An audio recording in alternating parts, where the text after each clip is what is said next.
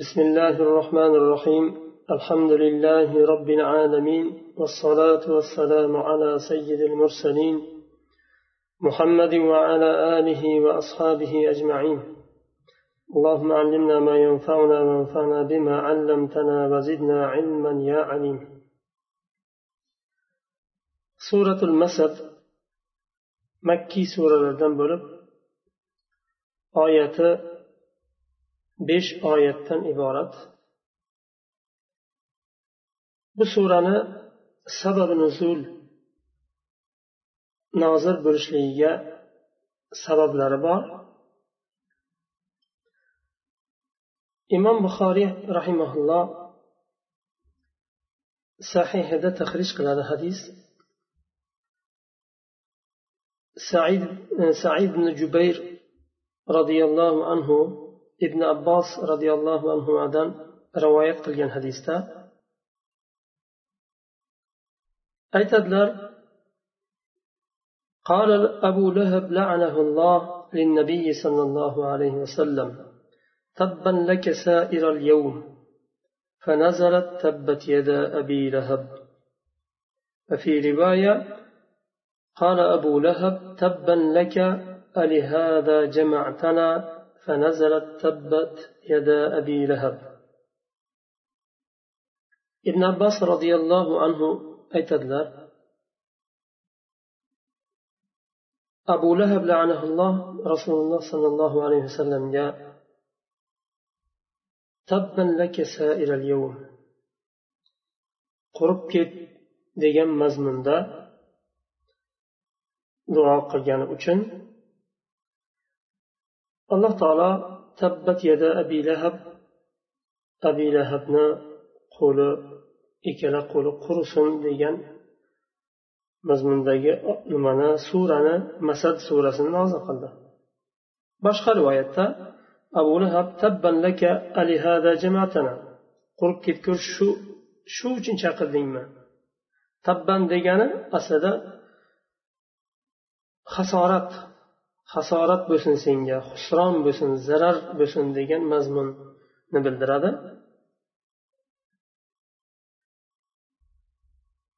Tabban laka sairal yawm degani bugundan keyin senga hasorat bo'lsin degan mazmun. Ikkinchi hadisda imom buxoriy tahrij qilgan boshqa hadisda عن سعيد بن جبير عن ابن عباس رضي الله عنهما قال لما نزلت وأنذر عشيرتك الأقربين ورهتك منهم المخلصين خرج رسول الله صلى الله عليه وسلم حتى صعد الصفا فهتف يا صباحاه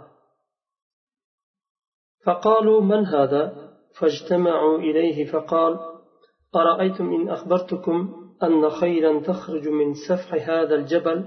أكنتم مصدقي؟ قالوا ما جربنا عليك كذبا. قال فإني نذير لكم بين يدي عذاب شديد. قال أبو لهب تبا لك ما جمعتنا إلا لهذا؟ ثم قال ثم قام فنزلت تبت يدا أبي لهب. تبت يدا أبي لهب وتب وقد تب. هكذا قرأها الأعمش يومئذ. سعيد بن جبير ابن عباس رحمه الله دان رضي الله عنهما ibn abbos roziyallohu anhu aytadilar oyati nozil bo'lganda ya'ni yaqin qarindoshlaringizni ogohlantiring degan oyat rasululloh sollallohu alayhi vasallamga nozil bo'lganda rasululloh sollallohu alayhi vasallam sofa tog'iga chiqdilar va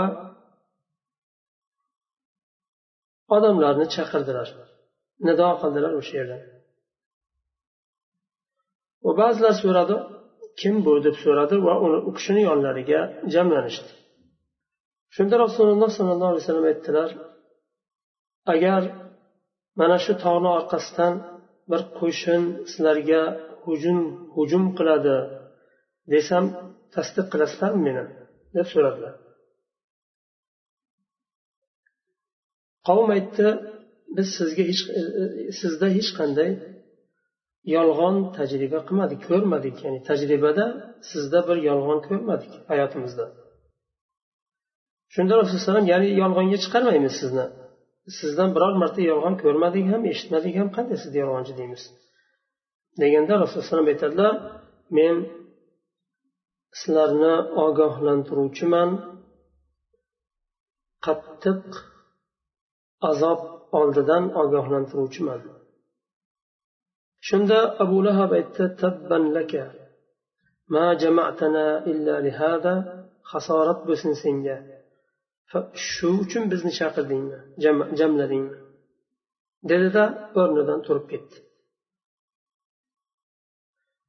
Shunda tabbat ada abi lahabi va tabba oyat nimasi surasi nozil bo'ldi. Shayx yana ikkita hadis keltirgan ikkalasi ham ayni e, hadislar ibn abbosdan rivoyat qilingan. Uchinchi hadis va to'rtinchi hadisni ham imom buxoriy muslim nasoiy rivoyat qilgan. Said ibn jubayrdan ibn abbosdan demak sababi nuzul bu surani nozil bo'lish sababi abu lahabni rasulullohga qilgan qo'pol muomalasi va u kishiga qilgan badduosi sababli alloh taolo shu oyatlarni shu surani nozil qildi بسم الله الرحمن الرحيم تبت يدا أبي لهب وتب ما أغنى عنه ماله وما كسب. سيصلى نارا ذات لهب وامرأته حمالة الحطب في جيدها حبل من مسد. بصورة أبو لهبنا حقق حلاكات وخسارات بسن ديجان مزمن دان عزل بلده وكشي صلى الله عليه وسلم allohni rasuliga aytgan so'zi uchun hasorat bo'lsin senga degan so'zi uchun alloh taolo buni abu lahabni o'ziga nozil qildi. Tabba ya'ni e, tabbat yada abi lahabi va tabba. Va tabba bu yerda vaqat tabba ya'ni haqiqatdan ham hasorat bo'ldi bunga. Halok bo'ldi degan mazmunda. Qotada rahimalloh aytadilar tabbat yada abi lahab ay xasirat hasorat ko'rdi ya'ni zarar ko'rdi degan. Ibn zayd aytadilar tab xusron ayni ma'noni aytadilar. Abu lahab rasululloh sollallohu alayhi vasallamni amakilaridan birisi. Oti abdul uzzo ibn abdul muttolib kunyasi abu utba. Abu lahab deb nomlashlariga sabab yuzi yorug' bir nima e, yorug'lik bo'lgani uchun yuzida abu lahab deb nomlashgan. Imom ahmad musnatda tahrij qilgan hokim imom hokim mustadrakda termiziy ham sahihida tahrij qilgan hadisda rubayat ibn abbad roziyallohu anhu aytadilar رأيت النبي صلى الله عليه وسلم في الجاهلية في سوق ذي المجاز وهو يقول أيها الناس قولوا لا إله إلا الله. تفلحوا. وفي رواية الترمذي تفلحوا وتملكوا بها العرب وتدين لكم بها, بها العجم. فإذا متم كنتم ملوكا في الجنة. وأبو لهب وراءه يقول لا تطيعوه فإنه صابئ كاذب. وفي رواية وفي رواية أحمد والناس مجتمعون عليه وراءه رجل وضيء الوجه أحول ذو غديرتين يقول إنه صابئ كاذب يتبعه حيث ذهب فسألت عنه فقالوا هذا عمه أبو لهب. ربيعة بن عباد رضي الله عنه يتذر جاهلية suqu zil majaz degan bozorda rasululloh sollallohu alayhi vasallam odamlarni da'vat qilib yurardilar dinga chaqirib yangi dinga chaqirib yurardilar aytardilarki qulu la ilaha illalloh tuflihu. La ilaha illalloh denglar ollohdan boshqa iloh yo'q denglar najot topasizlar u vaqtda olihalar ko'paygan butlarga ibodat qilinadigan bir zamon. Ollohni ibodati allohga ibodat qiladigan yo'qolib ketgan ya'ni umuman ollohdan boshqa narsalarga ibodat qilinadigan bir vaqt edi va shunday bir qavm edi u vaqt shuning uchun rasululloh alayhi ularni yakka allohga ibodat qilishga chaqirardilar bozorda yurib. La ilaha illalloh denglar allohdan boshqa iloh yo'q denglar najot topasizlar. Boshqa rivoyatda termiziy tahrij qilgan rivoyatda najot topasizlar va shu kalima bilan arablarga ega bo'lasizlar. Arablarga molik ya'ni egallab olasizlar hamma yerni. Va ajam va shu la ilaha illalloh bilan arab bo'lmagan qavmlar ham sizlarni dinlaringga kiradi. Agar sizlar o'lsanglar bu dunyodan o'tsanglar jannatda podshohlar bo'lasizlar. Chunki sizlar bu dinni tarqatdinglar sizlar boshladinglar bu dinni tarqatib.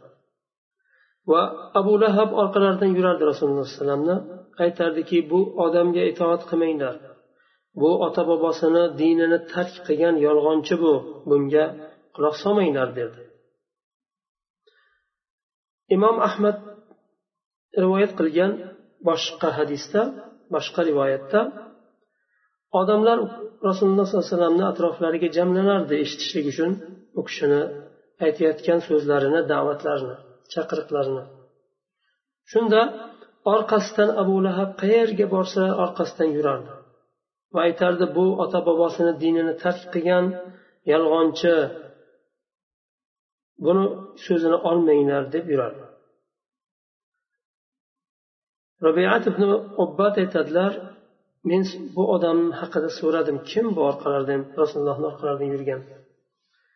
Deb so'raganimda u kishini amakilari abu lahab deyishdi.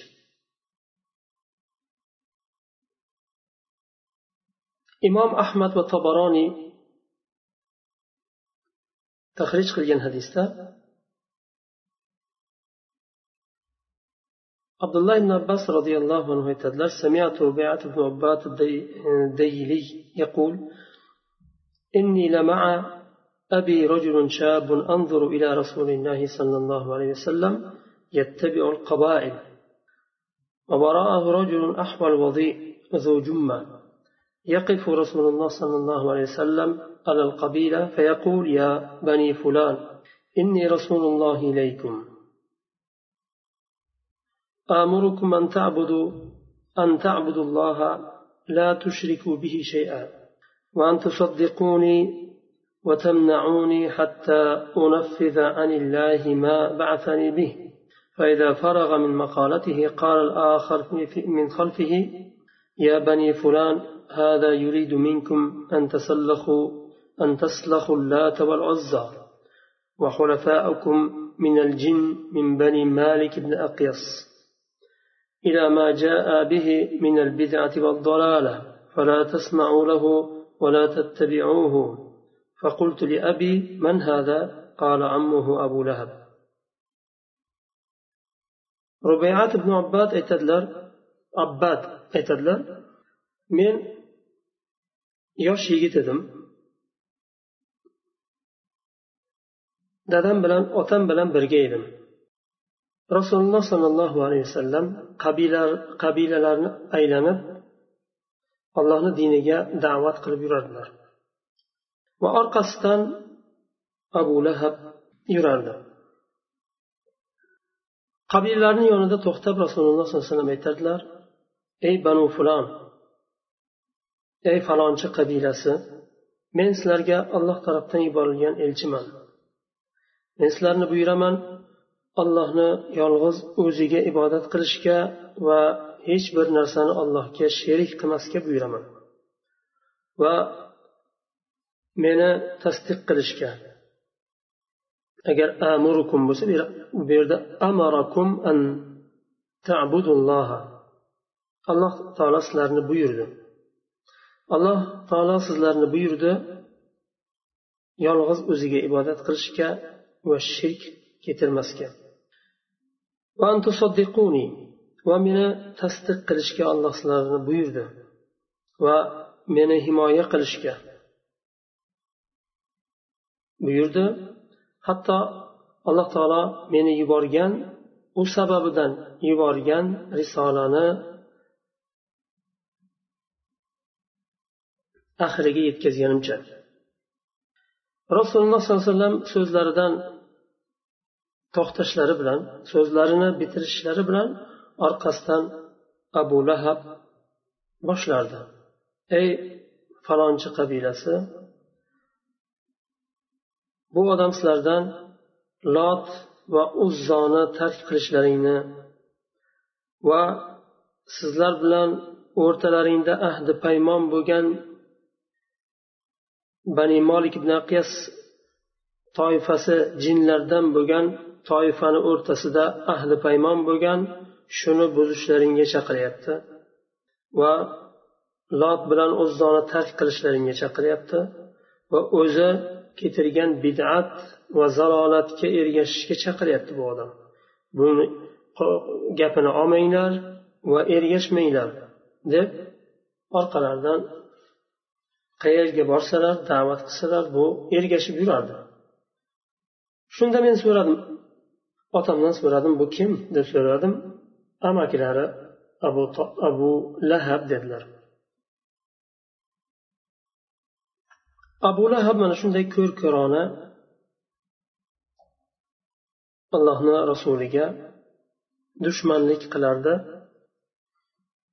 Haqiqatni tushunmasdan bu u kishi keltirgan dinni haq ekanligini bir o'ylab fikrlab ko'rmasdan ko'r ko'rona o'sha o'zini ota bobolarini ota bobolardan qolgan dinga ergashgan holda rasululloh alayhivasallamga dushmanlik qilardi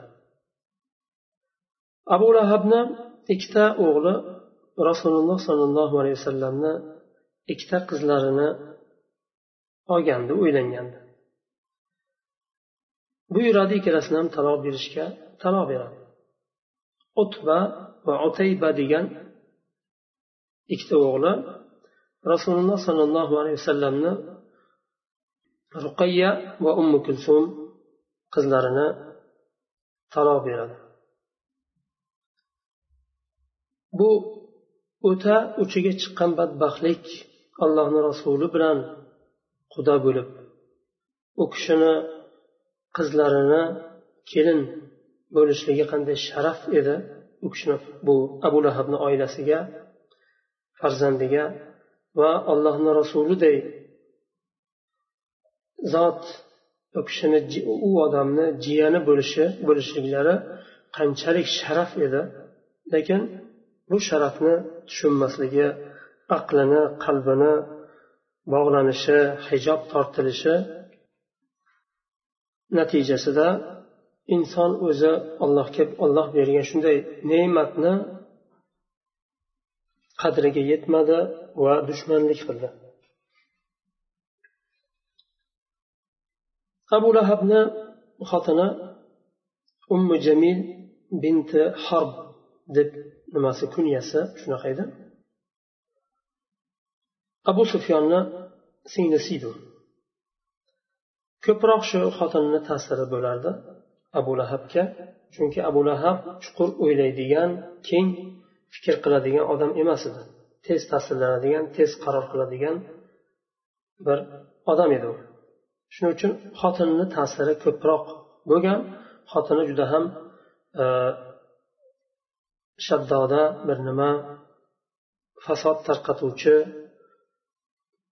odamlarni gapini tashuvchi bir xotin edi. Hatto rasululloh sollallohu alayhi vasallamni qizlariga ham bir necha marta muomalasi bilan qo'pol va yomon muomalasi bilan zarar bergan xotin edi u. Umi jamil ham abu lahabni xotini umrini oxirigacha qo'lidan kelgan zararni allohni diniga va allohni rasuliga berishga harakat qildi. Nima qo'lidan kelsa nima tilidan kelsa hammasini orqaga qoldirmasdan qildi. Bu da'vat yo'lida yurganlarda ko'proq shunday hatto yaqin qarindoshlaridan ham shunday muomalalar kutilishi mumkin. Payg'ambarlarga ergashganlar bu narsaga tayyor bo'lishi kerak. Allohni rasuli rasululloh sollallohu alayhi vasallamga qilingan bu aziyatlar da'vat qilganlarida orqasidan yurib odamlarni odamlarni jamlab u yerda allohni dinini tushuntirib turganingizda bir tasavvur qiling. Orqangizda bir kishi turib bu yolg'onchi bu kazzob falonchi pistonchi deb tursa o'zingizni qanday his qilasiz va sizni qanday o'rinni tutib bilasiz u holda? Va allohni rasulini tasavvur qiling qanday bu holatlarni tahammul qilgan va bundan ham og'ir nimalar allohni rasulida hayotida imtihonlar bo'lib o'tgan. Chunki imtihonni eng og'irini payg'ambarlar ko'radi. Undan keyin iymoniga qarab alloh taolo bandalarga imtihon beradi. Iymoni kuchliroqqa kuchliroq imtihon zaifroqqa zaifroq rahmati kengligidan. Alloh taolo toqatimizdan tashqari imtihon bermasin tabbat yada abi lahabi va tabb. Surasi nozil bo'lgandan keyin abu lahabni xotini umi jamil bu surani eshitganda jahli chiqadi. Va rasululloh sollallohu alayhi vasallamni izlab baytullohni yoniga keladi. Kabani yonida rasululloh sollallohu alayhi vasallam abu bakr bilan o'tirardilar. Ikkala qo'liga tosh to'ldirib to'ldirgan holda ya'ni bir qancha toshlarni ko'tarib abu bakr roziyallohu anhuni yonlariga keladida aytadi ey abu bakr do'sting qani? Meni masxara qilib gapirgan orqamdan do'sting qani? Buni aslida rasululloh emas olloh nozil qildi bu surani. Va aytadi allohga qasamki agar men uni topsam ko'rsam og'ziga mana shu toshlar bilan uraman deb aytadida burilib ketadi. Ha va burilib ketishdan oldin aytadi men vallohi men shoiraman eshit deb turib she'r aytadi. Muzammaman asoyna va amrahu abayna va dinahu qolayna deb o'zicha she'r aytgan bo'ladi. Ya'ni muzammaman asoyna muzammam muhammadni teskarisi. Muhammad maqtalingan bo'lsa muzammam mazammat qilingan teskarisi. Mazammat qilinganga biz osiy bo'ldik deb allohni rasulini mazammat qilingan demoqchi. Va amrahu abayna va uni buyrug'idan bosh tortdik. Va dinahu qalayna va uni dinini yomon ko'rdik. Shu she'rlarni aytadida burilib ketadi. Abu bakr roziyallohu anhu so'raydilar yo rasululloh sizni ko'rmadimi? Yonimda o'tiribsiz izlab sizni izlagan ekanini bildirdi ko'rsam palonday palonday qilaydim degan so'zlarni aytdi qaytdi. Ko'rmadimi sizni deb so'raganda rasululloh sollallohu alayhi vasallam aytadilar olloh uni ko'zini mendan burdi. Ko'rmadi.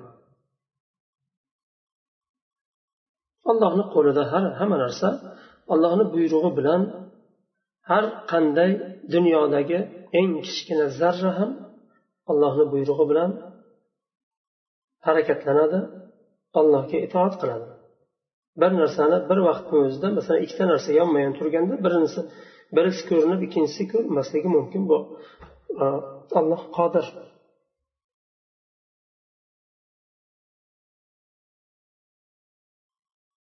Imom buxoriy abu hurayra roziyallohu anhudan rivoyat qilgan hadisda rasululloh sollallohu alayhi vasallam aytadilar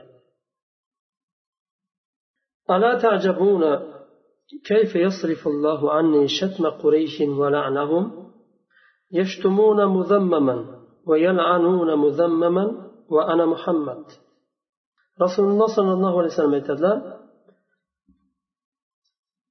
sizlar ajablanmaysizlarmi taajjubga tushmaysizlarmi alloh taolo qanday mendan sarf qiladi buradi qurayshni haqoratini va la'natini Quraysh muzammamni haqorat qiladi va muzammamni la'natlaydi. Men esa muhammadman. Muzammat emasman. Abu lahab rasululloh sollallohu alayhi vasallamni amakilari bo'lishiga qaramasdan ham yon qo'shnilari bo'lishiga qaramasdan uyi devorma devor yopishgan bo'lishiga qaramasdan qanchalik badbaxtlik qildi silaturrohmni uzdi qarindosh urug'lik haqqini paymol qildi va qo'shnilik haq huquqini ham paymol qildi. O'zini kibriga va nohaq yo'liga ergashgan holda. تبت يدا أبي لهب وتب ما أغنى عنه ماله وما كسب أبو لهبنا ikkala qo'li qurisin va quridi halokat bo'lsin ikkala qo'liga va bo'ldi bu halokat unga kelgan bu halokatni yordam berolmaydi behojat qilolmaydi uni moli ham kasb qilgan narsalari ham.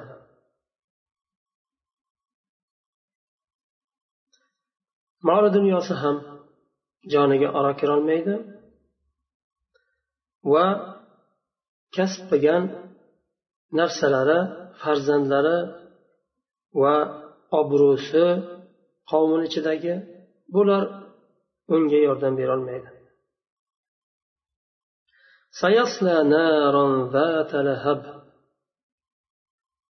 Yordam berolmaydi unga na moli mulki na boshqa narsasi na obro'si na qabilasi. U alangalanib turgan jahannamga tashlanadi.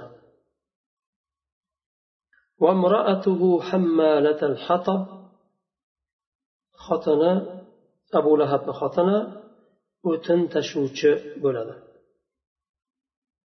Hammalatal hatob nima uchun bu yerda xotini abu lahabni xotini o'tin tashuvchi bo'ladi deyildi oyatda. Buni uch xil tafsir berilgan. Birinchisi abu lahabni xotini umi jamil rasululloh sollallohu alayhi vasallamni yo'llariga tikanlarni sochardi. Qayerda tikanlik o'tlar bo'lsa shularni terib ketirib sochardi. Ba'zi rivoyatlarda kechasi subuhga yaqin shuni yo'llariga tashlardi. Shuni bir biror yeriga sanchilsinda alamlansin degan niyat bilan tashlardi shuning uchun alloh taolo uni jahannamda o'tin tashuvchi bo'ladi. Endi o'ziga shu o'tinni tashiydi degan mazmunda eriga abu lahabga tashiydi degan mazmunda nozil bo'ldi. Ikkinchi ma'nosi tafsiri chaqimchilik bilan gap tashishlik bilan yurardi va rasululloh sollallohu alayhi vasallamni kambag'al qo'li qisqa degan so'zlar bilan sha'nlarini tushirishga harakat qilardi. Pisand qilmasdan o'zini boyligi bilan ajablanib e, rasulullohni kambag'al bir degan nima bilan gapirardi orqalaridan akrima roziyallohu anhu aytadilar odamlarni gapini tashib chaqimchilik qilardi. Shuning uchun shu nozil bo'ldi.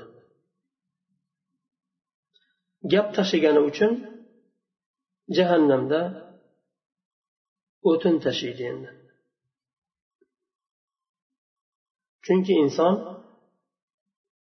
bu dunyoda qilgan yomon amallari agar bu dunyoda tavba istig'for qilmasa kechirilmasa jahannamga o'zi uchun o'tin terishga o'xshaydi. Bu dunyoda birovni qonini to'kishi molini olishi nohaq obro'sini to'kishi qoni bilan obro'si islomda bir darajada. Hatto obro' musulmonni obro'si qonidan ham qimmatroq turadi. Inson obro'sini saqlash uchun molini berishi mumkin yo qonini to'kishi mumkin o'zi qonini to'kilganini afzal deb bilishi mumkin obro'si to'kilishidan ko'ra.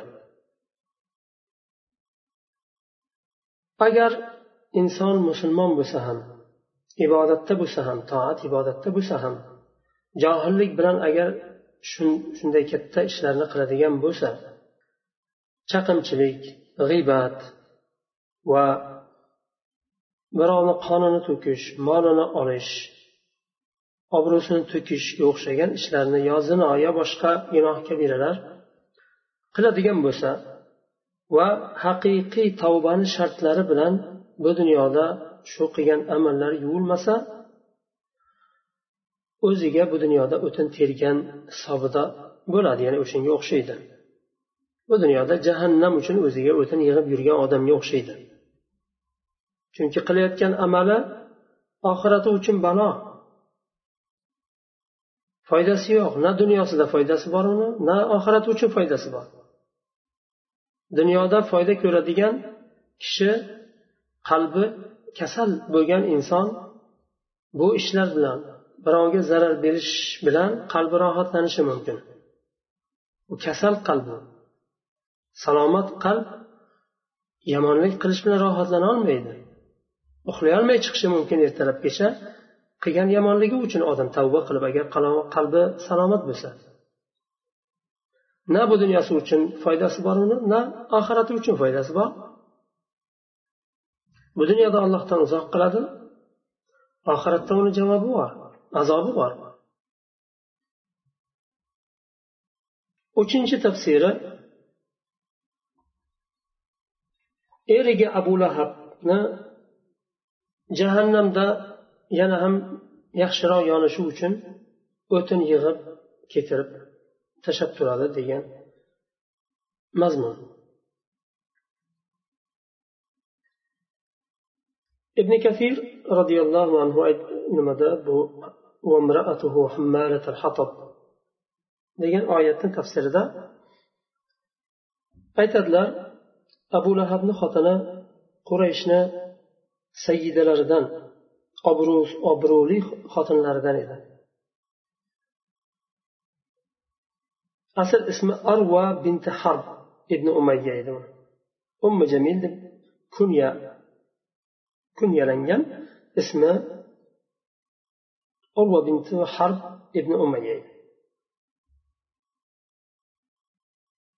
Abu sufyonni singlisi edi u eri abu lahabga dinga va allohni rasuliga qarshilik qilishga inkor qilishga va qaysarlik qilishga yordam berardi. Shuning uchun jahannamda ham erini yonishiga yordam beradi deb tafsir qilganlar. Uchalasi ham uchala tafsir ham ya'ni bir biriga yaqin bo'lgan tafsirlar va haqiqatdan ham shu abu lahab va uning xotinini hayotidalik vaqtida bo'lib o'tgan narsalar va hammasini o'zini ichiga olishiga hech qanday moni yo'q bu oyat. Ya'ni bir biriga yaqin bo'lgan nimalar?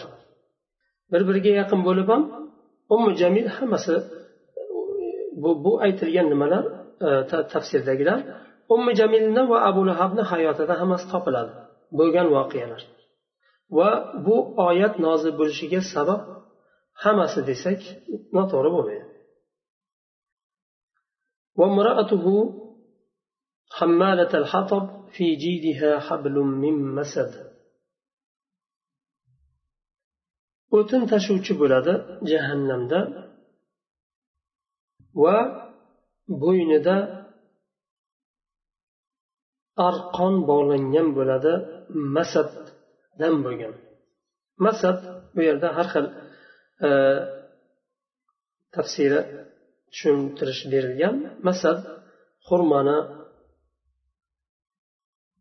po'stlog'idan bo'lgan arqon deganlar ham bor yo teridan bo'lgan tuyani yunidan bo'lgan arqon deyilgan. Va yamanda o'sadigan bir daraxt bor shuni po'stlog'i iplikka juda ham mustahkam ip chiqargan shundan. Shundan bo'lgan e, nima arqon ham deyilgan.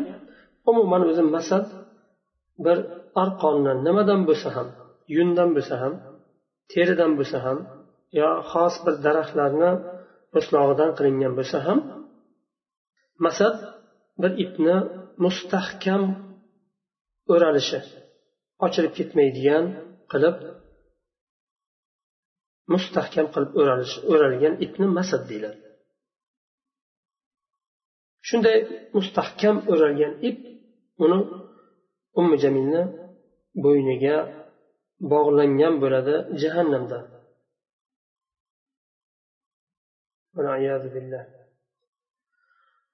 Said ibn musayyab roziyallohu anhu aytadilar abu lahabni xotinida juda ham qimmatbaho javhar bor edi. Bo'ynida taqib yurardi shuni. U faxrlanadigan o'zi ya'ni faxrlanadigan qimmatbaho javhar bor edi. Shuni abu lahabni xotini bo'ynida taqib yurardi. Va qasam ichib aytardiki lot va uzzoga qasam ichamanki derdi. Shu javharni sarf qilaman muhammadga adovat qilish uchun. Ya'ni muhammad alayhissalomni adovati yo'lida shu kishiga dushmanlik qilish yo'lida shu eng yaxshi ko'rgan javharini va eng qimmatbaho bo'lgan javharini sarf qilishga qasam ichardi va said ibn musayyab roziyallohu anhu aytadilar aynan shu qiyomat kunida o'sha javhar evaziga o'tdan bo'lgan arqon osilinadi uni bo'yniga? Bu sura qur'onni hammasi komil bir shaklda mo'jiza bo'lishidan tashqari alohida bir bu surani o'zini olsak aslida qur'onni hammasi mo'jiza. Bu surani o'zini olsak ham bir sura mo'jiza chunki alloh taolo abu lahabni jahannamda yonishini xotini ham o'tin tashuvchi bo'lishini ularni hayotlik vaqtida xabarini berdi. Va ular dinga kirmasdan kufrida isyonida adovatida o'tib ketdi. Bu bir mo'jiza allohni allohni rasulini atayin ham shu yomon ko'rgani uchun yolg'onchiga chiqarishlik maqsadida ham dinga kirgan bo'lib ko'rinolmadi. Ho'p jahannamda yonyapti deyapsan mana biz musulmon bo'lamiz qutulamiz o'sha jahannamdan deyolmadi. Alloh taolo bu dunyoda xabarni berdi. Ularni mana shunday kufrda o'tib ketishligini va jahannamda yonishini xabari berildi va shu narsa haqiqatga chiqdi. Dinga dushman bo'lgan holida oxirigacha dinga dushman bo'lib allohga va rasuliga dushman bo'lib o'tib ketdi. Sura nihoyasiga yetdi. Keyingi darsda inshaalloh nasr surasi سبحانك اللهم وبحمدك أشهد أن لا إله إلا أنت أستغفرك وأتوب إليك.